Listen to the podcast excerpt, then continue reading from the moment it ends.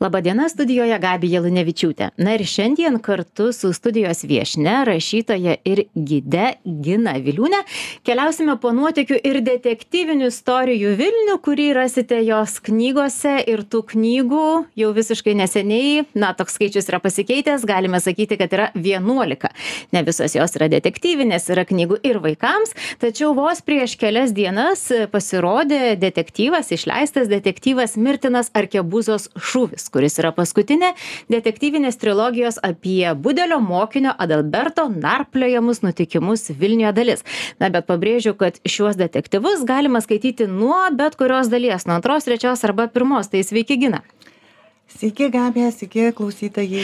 Ir koksgi jausmas, tikrai ne pirmą ir ne antrą jau kartą tas jausmas aplanko, bet koksgi tas jausmas, kada galiausiai jau knyga atkeliauja į jūsų rankas? O geras jausmas, tikrai geras, toksai atsipalaidavimas, kad jau viskas baigta, jau daugiau nieko nebegali pagerinti, nes man visada vis norisi dar kažką pataisyti, bet dabar jau žinai, kad viskas, nebepagerinsi, paleisk knygą į gyvenimą. Ir dar iš karto ateina jausmas, kad jau tu dabar jau gali imtis kitos knygos. Tai norit pasakyti, kad jau turite numačiusi ir 12 knygą? Taip, visada jau yra mintise jau eilė netgi ir tryliktą jau žinau kokia bus tai nesakysiu. Nu jo galite galite dar ir pasilaikyti paslaptį. Iš viso šiandien yra išleista vienuolika knygų. Yra viena knyga nuo kurios pradėjote savo a na net nežinau rašymo karjerą. Tai yra apie vilniaus šventoves dvi knygos yra vaikams o visi kiti yra romanai. Ir praktiškai visi tie romanai yra su kažkokiu tai nuotykiniu atspalviu galima sakyti detektyvu kažkas dingsta kažkas įvyksta reikia ieškoti ir jų tikrai nemaža dalis tai yra visa trilogija vyksta šešioliktam amžiuje. Kodėl šešioliktas amžius? Tai tiesiog pats smagiausias pats turtingiausias na aukso pagaliau amžius jau pripažįsta ir istorikai ir taip knygos vadinasi tai yra iš tiesų labai turtingas žmonėmis įvykiais ir ten nebuvo kažkokių labai didelių nelaimių tragedijų labai toksai geras amžius tai taikoje su savimi ir su pasauliu gyveno lietuvos gyventojai tame tarpe be abejo ir vilniečiai. Na ir kadangi šiandien susitikome dėl to kad na kad tik išėjo jūsų trečioji knyga tai aš tokią trumpą istoriją papasakosiu. Vakar skambino man tokia vyresnio amžiaus na sakykime giminaitė ir sako va skaičiau laikraštyje kad vat išleista knyga mirtinas arke arke arke koks ten tas žodis arkebuzos šūvis sako aš tada pasiėmiau tarptautinių žodžių žodyną ir ieškojau ir radau kad tai yra ginklas na kad tai yra šautuvas. E, gina kaip čia išeina kad tikrai daug kas šiame romane sukasi būtent apie ginklus ir apie šį ginklą tikrai tokiu man atrodo daugumai nežinomu pavadinimu arkebuzą taip čia buvo ilga diskusija ir pradžiai kai kai kai vat na draugam pažįstamiem pasakiau tą sumanytą pavadinimą tai visi sakė kad oi painios su arbūzu negeras pavadinimas keisk bet kažkaip jisai prilipo ir nu ir žinoma dar leidykla leidyklos darbuotojai visada būna paskutinis tas toksai e, slenkstis kur na sakykim praleidžia arba nepraleidžia kažkokį tai pavadinimą. Tai jiems irgi patiko ir taip ir liko. O man atrodė kaip tik ta arkebuzos pavadinimas toksai paslaptingas ir vat kaip kaip sykis kažkaip taip ir įsivaizdavau kad žmogus jeigu jisai yra žingeidus tai labai nesudėtinga šiais laikais yra sužinoti kas ta arkebuza yra. O o šiaip tai kažkaip man nu likimas dovanoja tokias dovanas kad aš ką nors sugalvoju pradedu rašyti ir staiga pum kokia nors paroda visiškai man į temą. Tai lygiai taip buvo su arkebuza ir kaip tik dar karantino metu Bastėjos Bastėjoje, tam muziejui, na, atidaryta buvo paroda ir mhm. buvo filmuota medžiaga, ten pristatinėjo, na, istorikai, na, kažkokius, žodžiu, muziejaus eksponatus tos naujos parodos ir ten tarp jų buvo arkebuza, kurią ištraukė iš Dubingio ežero ir jinai kaip tik ten ir, nu, žodžiu, tokia buvo ratukinė ir aš tiek daug sužinojau apie ją ir supratau, kad čia yra ženklas, taip, čia gerai reiškia gera kryptis. Aš maniau kad priešingai kad jūs pirma ją pamatėte tada sugalvojote apie ją rašyti. Kartais būna ir taip. Kartais būna kad nu nukreipia kažkokios žinios parodos Mhm. ar na paskaitos pagaliau nukreipia. Bet šituo atveju buvo kitaip. Aš jau buvau prad nu sugalvojus. Ir likimas patvirtino kad gerai čia sugalvojot taip tai vat labai pasisekė. Iš tiesų šita detektyvinė trilogija kurios veiksmas vyksta na didžiąja dauguma vilniuje tačiau šiek tiek yra ir klaipėdos mėmelio šiek tiek yra ir kauno kaip linksmybių miesto parodyta sakyčiau taip. A, ir kas jas vienija tai yra toks sakyčiau pagrindinis personažas budelio mokinys adalbertas jaunuolis kuris pateko pas tolimą giminaitį budelį o kadangi budelis neturėjo įpėdinio tai taip išeina kad adalbertas planuojamas buvo būti jo įpėdiniu. Ir be abejo tos trys knygos jos skiriasi savo siužetais tačiau tas vaikinas adas keliauja per visas tris knygas. Ir mano galva ir kiek pastebėjau pati iš ekskursijų visokios paslaptys nusikaltimai mistika nežinia žiaurumai bausmės ir panašūs dalykai tikrai labai masina vilniečius. Ir tarkim ekskursijos kur minimas budelis tai jau tikrai būna labai sėkmingos. Ar galėtumėt gina papasakoti mums kaipgi atrodė to budelio gyvenimas ar budelio mokinio gyvenimas kur jie gyveno kur vilniuj būtų galima pasižiūrėti vietas kurios yra susijusios na kurios buvo susijusios su šita labai na ir reikalinga ir paslaptinga ir ne visai gal mėgiama profesija. Tikrai taip. Na jeigu pradėti nuo vietų tai pirmiausia yra subačiaus vartai tai kurių nėra dabar? kurių dabar nėra bet man labai gražu kad ten yra tas tarpas tarp gynybinės sienos ir jeigu mes na turime galvoje tai paveikslą sakykime nupieštus tuos vartus tai galima labai gražiai juos ten įkomponuoti ir įsivaizduoti. Tai vat subačiaus vart nu ap kažkur nuo subačiaus vartų nes aš taip neradau labai tiksliai istorikų nurodyta kur jisai ten tikrai gyveno nes o ne tarsi- virš vartų įrengtame bute vien nu buvo ir virš vartų buvo ir šalia Mhm. vartų ir o kadangi budelis vilniuj vis dėlto kokius tris šimtus metų gyveno tai aš taip spėju kad jisai spėjo pagyventi visur Mhm. a vat tai bet žodžiu vis tiek vietovė va ta na o kita vieta žinoma yra rotušė kur rotušės aikštėje vyko tie na tea teatrai tai čia kankinimai teatrai Ne, teatrai tai teatru, tai teatru vadino būtent mirties bausmę, bausmės vykdymą. O, o kankinimai greičiausiai Rusijai kažkur, tai vis tiek jau ne, ne viešai jie buvo vykdomi, na bet, bet tikėtina, kad rotušiai tas buvo.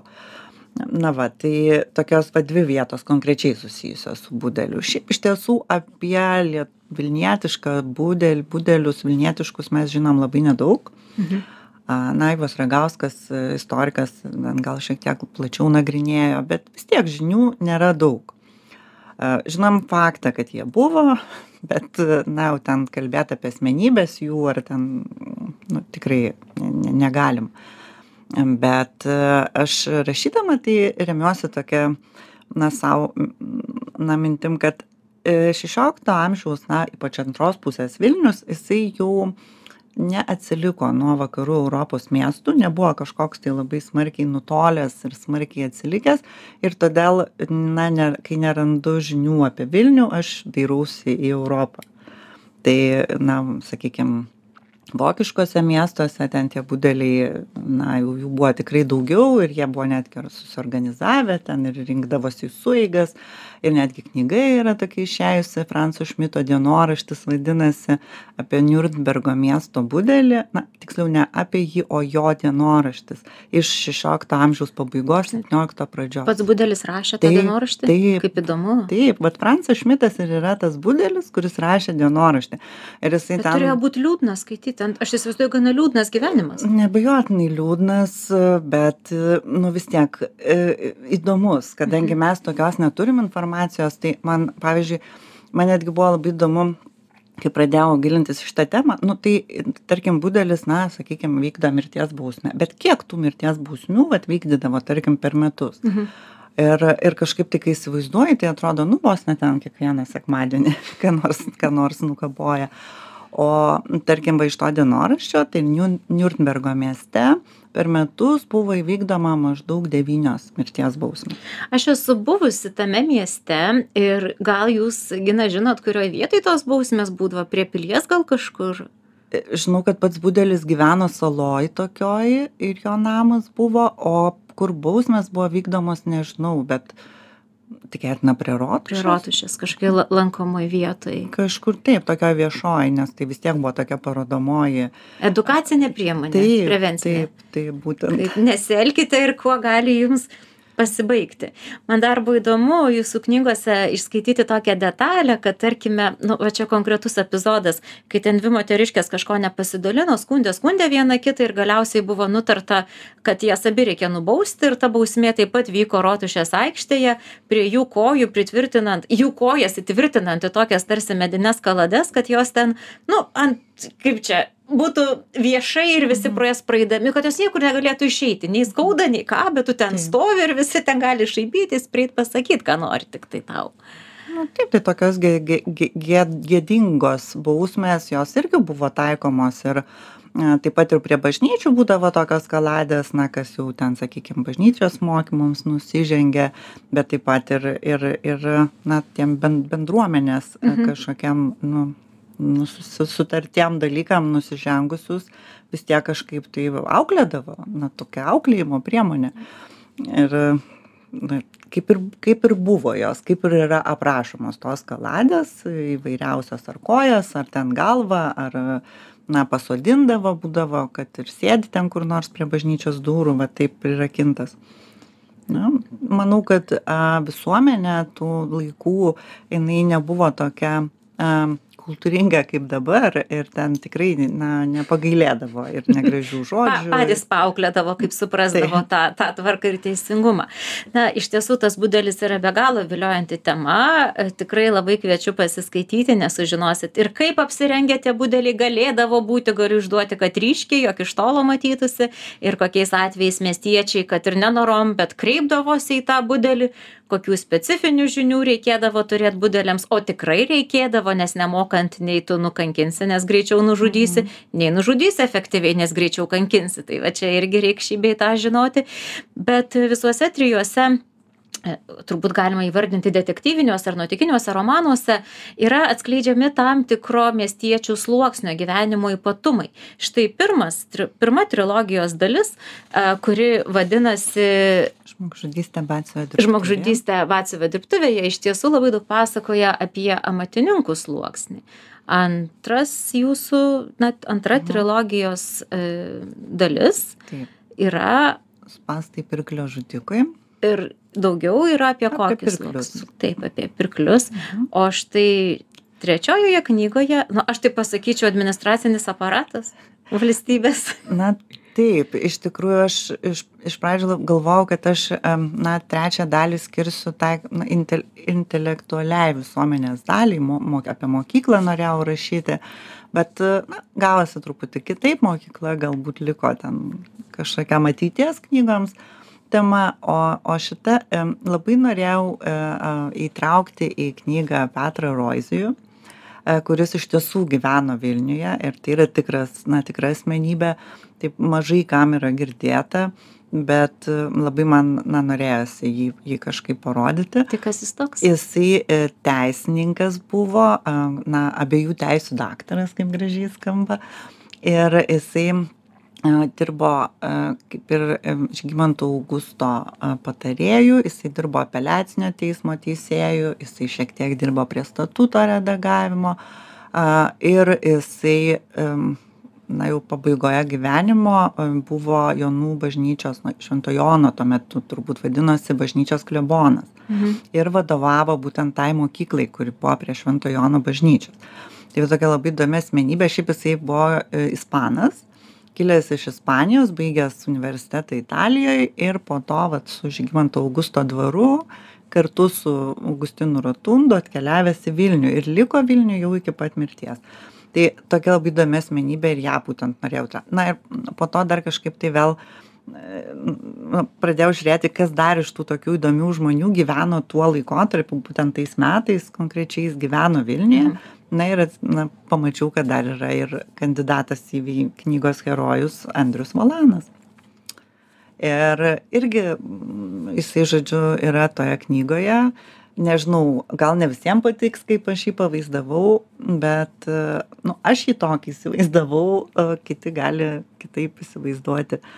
Tai tai vat ir tokie na štai intelektualai e, suėjo į tą knygą. Tas pats rotundas taip tas pats rotundas iš tiesų ir ir jo namuose ir vykdavo ten tokie susitikimai ir poezijos o kur gyveno rotundas rotundas gyveno trakų gatvėje Mhm. ir tai turėjo būti nuo sankryžos su vokiečių su vilniaus gatve e, antras namas bet nėra išlikęs tas namas dabar yra ten nu, naujas pastatytas bet trakų gatvėj gyveno Mhm. čia yra surašymė paminėta vat kur yra paknio knyga apie surašymą miestiečių ir apgyvendinimo prievolės tikslais buvo daromas surašymas ir ten yra minimas augustino rotundo namas ten aštuoni kambariai žodžiu didžiulis namas tai vat iš ten žinau na va tai ta trečia knyga tokia kaip ir apie intelektualus ir na ir bajorai kurie nėra vilniečiai jie nėra miestiečiai ir ne bet jie- visad intelektualūs Taip, bet jie yra miesto svečiai. Tai, na, irgi tokia, žodžiu, ne- nelabai aiški yra.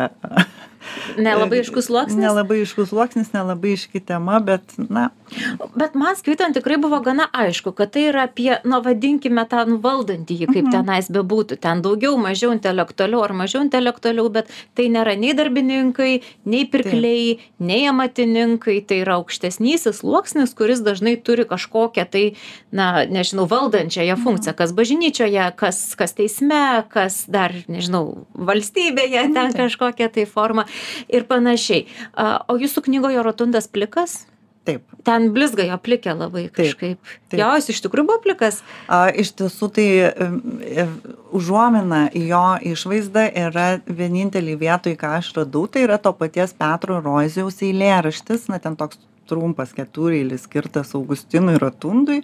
Na ir ten yra rašoma, nebecituosiu tiksliai, bet maždaug, kad jeigu, na, nuimtumėm barzdą ir uždėtumėm plaukus, tai kaip Febas gražus jisai būtų.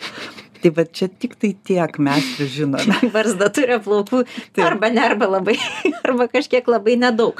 Na ir iš tiesų jūsų minėtas Petras Roizijus įsivelia į tokį, na, nemalonų nutikimą, jis yra įveliamas tiesiog ne vietoje ir nelaiku žmogus pasipainioja būtent į tą tokią detektyvinę liniją. Ar e, tame yra kažkiek istorinio pagrindo, ar čia jau yra interpretacijos? Ne, nėra tame pagrindo, bet uh, pats Petras Roizijus, na, kiek man, koks man susidarė įspūdis iš jo ten laiškų ar kažkokių uh, apie jį e, duomenų, kiek radau, jisai buvo toksai šiaip žmogus labai geras, labai geras mokytojas, dėstytojas, bet asmenybė tokia šiek tiek, nu, kaip čia pasakius, nu, jis toks niurzglys buvo, mm -hmm. jis amžinai buvo viskuo nepatenkintas. Vis, Ot, malonus žmogus. Taip, skundėsi absoliučiai viskuo, tiek klimatu Lietuvos. Nu, aš suprantu, kad po Ispanijos gal čia buvo šalta. Na, jis ten, tarkim, buvo nepatenkintas, kad pirtise vyrai ir moteris nuogi maudosi. O kaip tai reikėtų? nepadaru. A, Nežinau. Žodžiu, ka- kažkokiais tokiais daugybė tokių smulkių, keistų dalykų jisai skundėsi ir ta jo poezija, tarkim, skaitant irgi yra, nu tai plėšikai, tai tas Vilnius toks, tai anoks, tai jam, nu, jeigu jau keliauji po Lietuvą, tai ten ištisai viskas blogai ir tos karčiamos blogai. Nu, vien žodžiu, viskas jam buvo blogai. Nu, jis toksai buvo niurzglys. Tai aš kažkaip taip ir nusprendžiau, kad jisai užsidirbo tokią situaciją ir reikia, na, žodžiu, vat, jam taip sukurti tokias aplinkybės ir jas sukūriau iš tiesų, ne, ne, nebuvo. Kad tokio. tikrai žmogus turėtų dėl ko Taip, realiai taip. nirzgėti. Be šitų žymių vardų, nes, na, Vilniuje mes turime ir Volano gatvę, mes turime ir Rotundo gatvę, e, yra knygoje ir tokių galbūt epizodinių personažų, štai pavyzdžiui, palei Vilnelę keliaujant e, iš miesto prieš srovę, kas tai būtų paupys, paplauja, dar gal dar šiek tiek link Markučio, gal netgi ten toksai labai gražus ir man be galo įdomus buvo epizodas apie tai, kaip gaminamas popierius. Ir tikrai prie Vilnelės buvo daug įvairiausių versliukų, tarkime taip, nes vanduo buvo reikalingas ir rodininkams, ir popieriaus gamybai ir panašiai. Bet, pavyzdžiui, tas epizodas, e, ar ten iš tikrųjų buvo tas popieriaus fabrikas, ar ten iš tikrųjų dirbo būtent taip, būtent tie žmonės. Taip e, būtent šitas epizodas tai mano yra visiškai nurašytas. Nu, ta prasme aš prisipažįstu bet aš man regis gal autorės žodį arba bent jau gyvai kalbėdama visada tą pasakau jūs pasakot nes iš kur aš kitaip būčiau tą klausimą sugalvojus. Prisipažįstu visada kad nusirašiau bet tiesiog man pačiai buvo taip įdomu kad aš galvoju nu reikia nu reikia. Ir netgi šiaip jeigu visai atvirai pasakius tai ten siužetinėje linijoje tas popieriaus gaminimas jisai toksai nu truputį prasilenkia su visas su visu siužetu aš jį taip nu gana dirbtinai ten įterpiau bet galvoju nu gal skaitytojas man atleis vien dėl to kad tai yra labai įdomu. iš tiesų. Tai yra tokia knyga istoriko gal Laucevičius jo pavardė, dabar atsiprašau, kad neatsimenu, bet žodžiu, e, vadinasi popieriaus gamyba Lietuvoje. Ir bet ten yra visiškai viskas labai aiškiai aprašyta. Tai kad aš man reikėjo tik nusirašyti ir kuri kokia vieta, kad tikrai, na, buvo užupį. Mhm. Žodžiu, vieta va taip yra nusakoma. Ne paupys, bet užupis. Užupis. Uh, aš ten iš tikrųjų vaikščiojau tuo ten tais krantais ir galvojau nu kur čia galėjo būti tas malūnas nes ten na tie krantai labai skirtingi vienas yra skardis kitur tai jūs tuo skardžiu ropojot? Ne aš vaikščiojau patogiu keliu.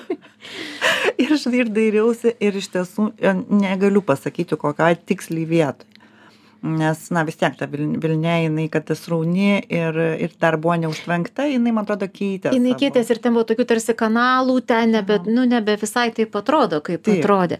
bet epizodas tikrai labai įdomus. Na ir čia aš vis taip bandau kažkaip į kažkokias tai vietas mus bekalbant nuvesti tai vat ir užupis palei vilnelę a subačiaus vartai rotušė rotundo namas e, jonų šventų bažnyčia siauros gatvelės ten iš pirmosios knygos ba batsiuvėja amatininkai čia kurioj gatvelėj jūs juos apgyvendinot? Labiau link rūdninkų vartų maždaug dabartinė šiaulių ašmenos kažkas tokio kažkur tai ten ten irgi gal šiek tiek pasikeitęs yra tas gatvių tinklas jau bet aš taip kažkodėl įsivaizdavau kad va ten galėtų būti bet čia nėra nu nėra tikslių kažkokių nes nu labai sudėtinga yra prisirišti prie kažkokio vieno mhm. amatininko vietos mm, ir jau čia aš taip daugiau mažiau leidžiu sau pačiai. Bet iš tiesų pasiemus bet kurią iš trilogijos knygų tikrai galima keliauti arba skaitant pasižymėti kažkokias tai vietas,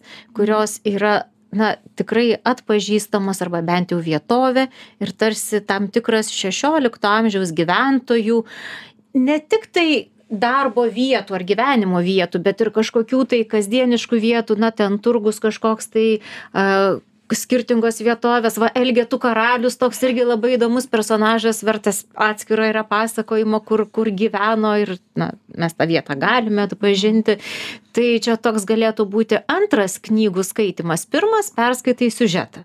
Nu tikrai labai įtraukus man buvo be galo įdomu skaityti bet antras skaitymo tas matmuo tai gali būt iš tikrųjų pakeliauti kartu su jumis po senąjį tą tokį šešiolikto amžiaus gatvių tinklą taip būtent. Ir ir jeigu vat skai na klausytojai nuspręs e, tą padaryti tai aš dar labai rekomenduoju atkreipti dėmesį į gatvių pavadinimus nes e, pavadinimai iš tiesų jie ir mums net ir apie tą patį šešioliktą amžių gali daug e, na pasufleruoti. Na tarkime einant rusų miesto dalimi ar ne yra e, gatvė kuri vadinasi išganytojo mhm. ir visai kažkaip natūraliai tai jinai veda į vietą kur buvo spaso vartai. Ar spaso cerkvė. Na arba ten ta pati stiklių gatvė juk ir ne šiaip sau taip pavadinta. Tikrai ne. todėl kad ten buvo na krautuvėlė stiklo dirbinių. Timo kvartalas. Na va, Timo kvartalas. Ir e, kartais yra vietų tokių, kurias aš labai noriu knygose prikelti ir, sakykime, papasakoti, bet e, tos vietos jau yra negra, nu, negražinamai pakeistos. Tai va štai trečioji knyga yra ta puškarne, kur, na, vienintelė Jurgio bažnyčia yra likusi ten toje vietoje iš, iš viso aprašymo. Uh, bet na vėlgi tarkim skaitant gatvių pavadinimus mes turim tilto gatvę. Ir jinai aš iš pradžių galvojau kad pavadinimas siejasi su žaliuoju tiltu bet pasirodo kad ir per vilnią būtent ten buvo tiltas. Nes pasirodo kad net ir vilnia tekėjo aplink katedrą ko mes nežinom. Gina iš tiesų e, man atrodo ką dabar reikėtų daryti tai yra pasiimti knygą ir perskaityti. Ir tikrai bus ir daug klausimų ir bevaikštant po miestą galima bus rasti ir atsakymus. Na ir primenu klausytojams kad šiandien studijoje viešėjo rašytoja ir gidė gina viliūnė ir mes kartu keliavome po jos e, atskleistą knygose šešioliktojo amžiaus vilnių ir prieš kelias dienas pasirodė e, trečioji trilogijos dalis e, kuri vadinasi mirtinas arkebuzos šūvis. Na jeigu dar nežinote kas yra arkebuza tai tikrai pasiskaitysite ir žinosite. Ačiū labai gina kad atvykote kad radote laiko. Ačiū jums. Na ir lauksim dvyliktos knygos. Viso geriausio